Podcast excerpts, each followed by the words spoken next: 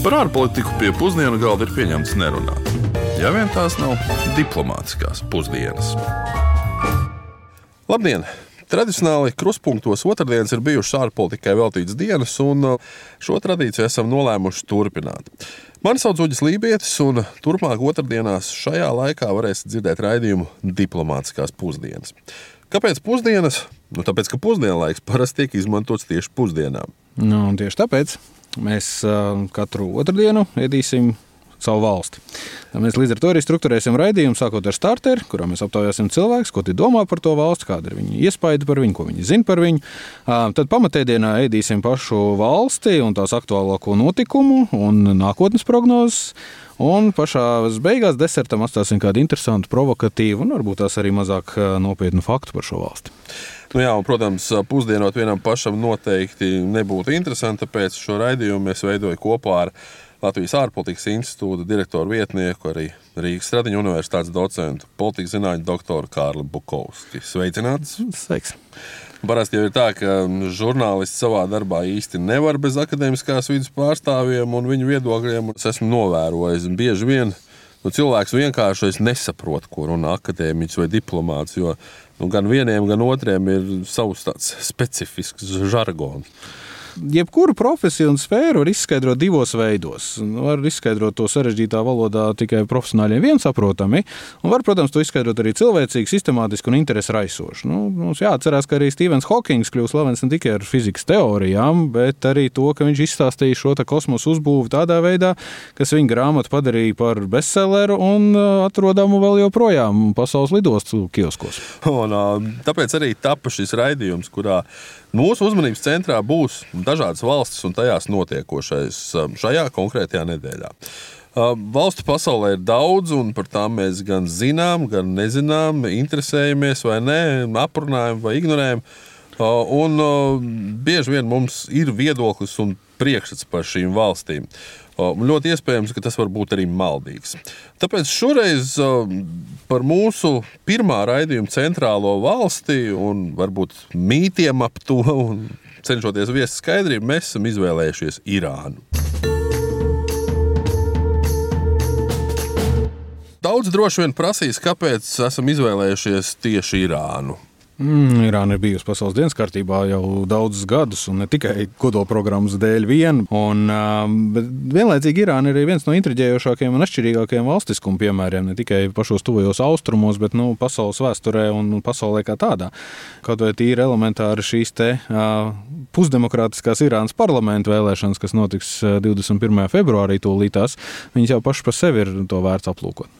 Nu, vismaz man brīžiem rodas sajūta, ka Irāna patiesībā ir kļuvusi par tādu nu, to austrumu vai pat nu, visas pasaules ļauno bubuli.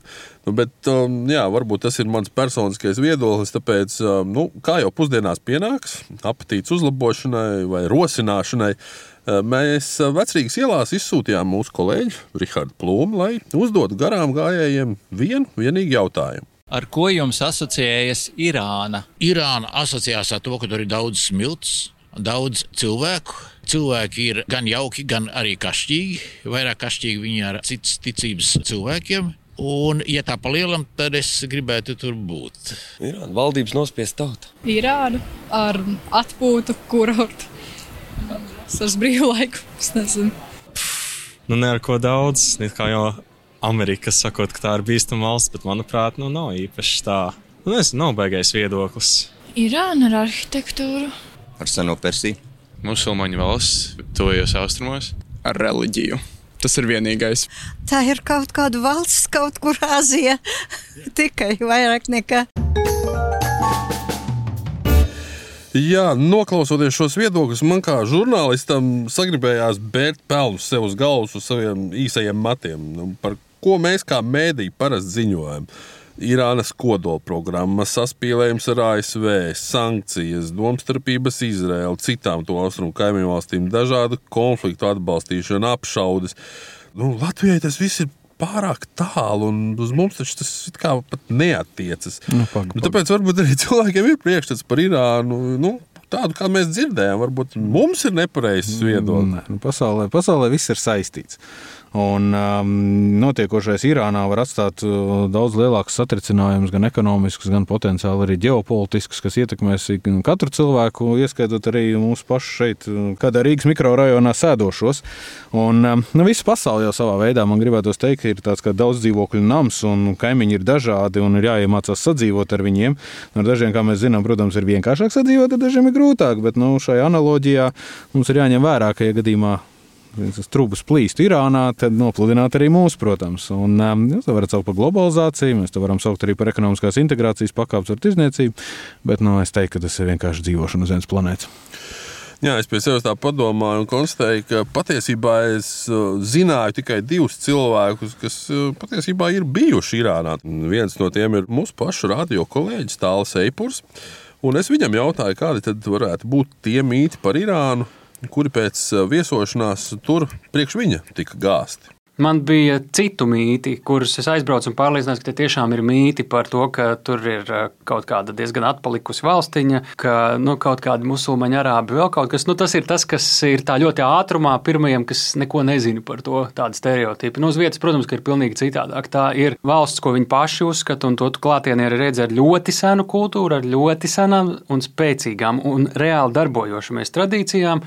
Viņi tīri tādā cilvēciskā līmenī tiecas būt arī pietiekami moderni, protams, ar savām kultūrālajām īpašībām, kuras eh, tam visam sprauc cauri. Tas stereotips ir diezgan spēcīgs, ka tur ir bīstami. Tā nav.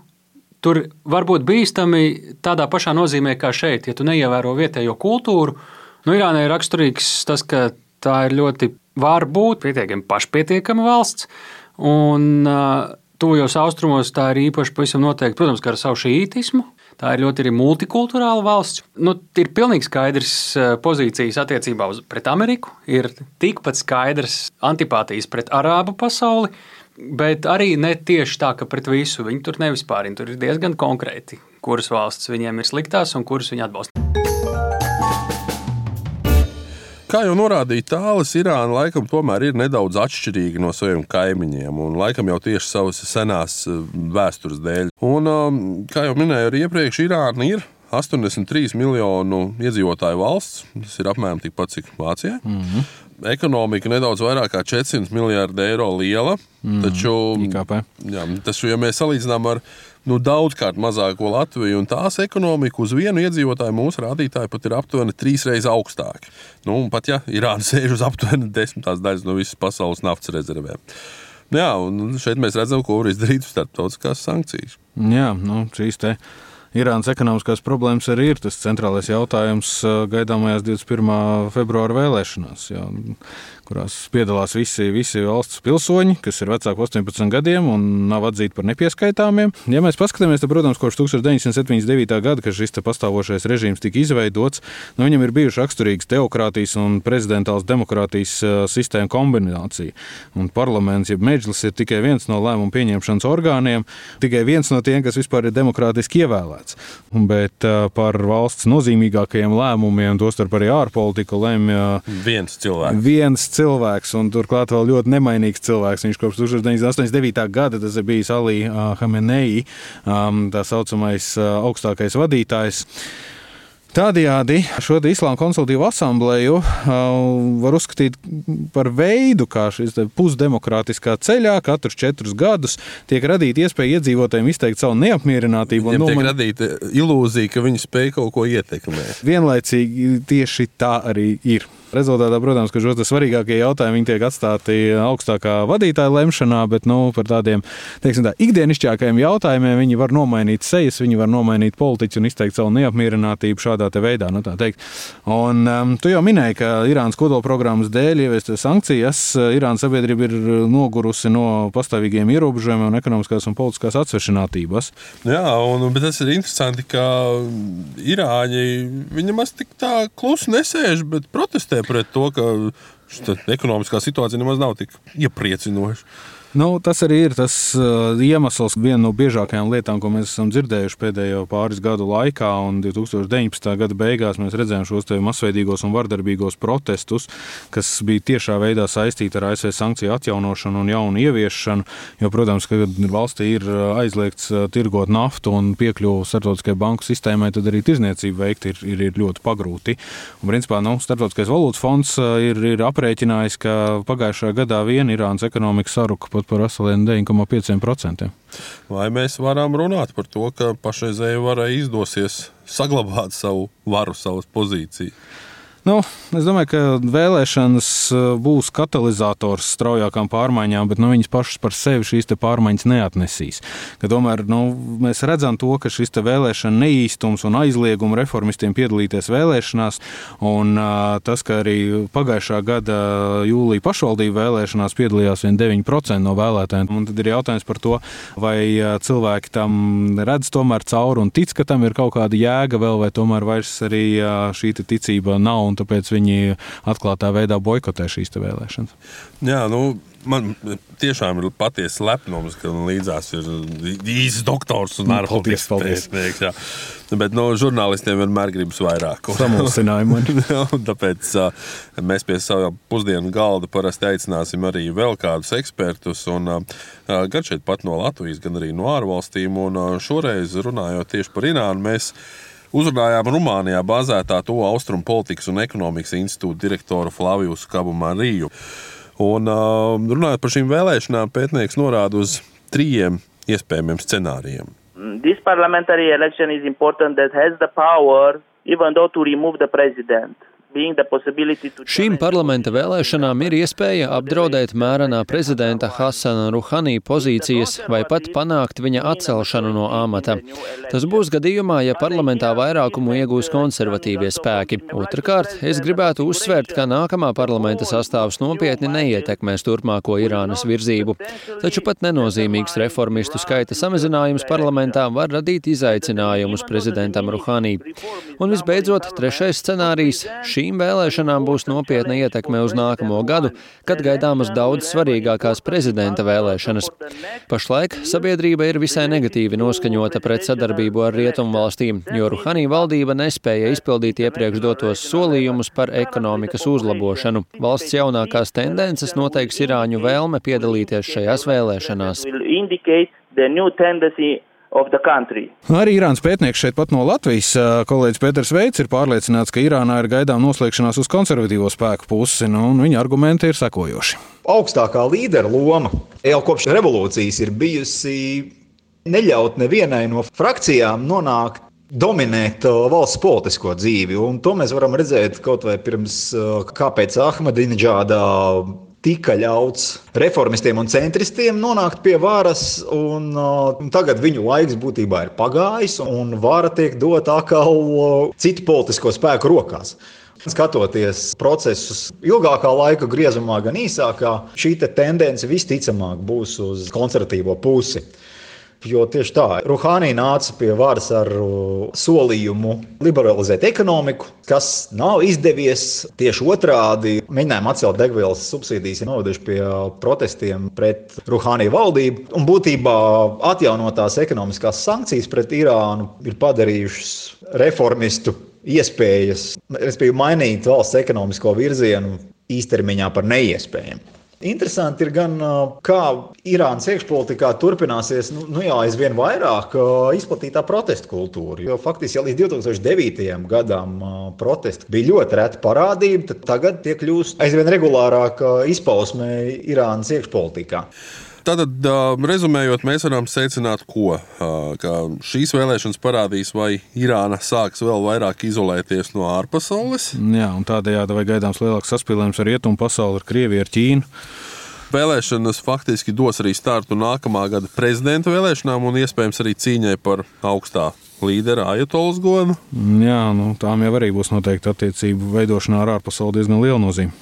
Un tāpat arī vēlēšanas pierādīs, uz ko un vai vispār uz kaut ko Irānā vēl ir spējīga protestu kustība.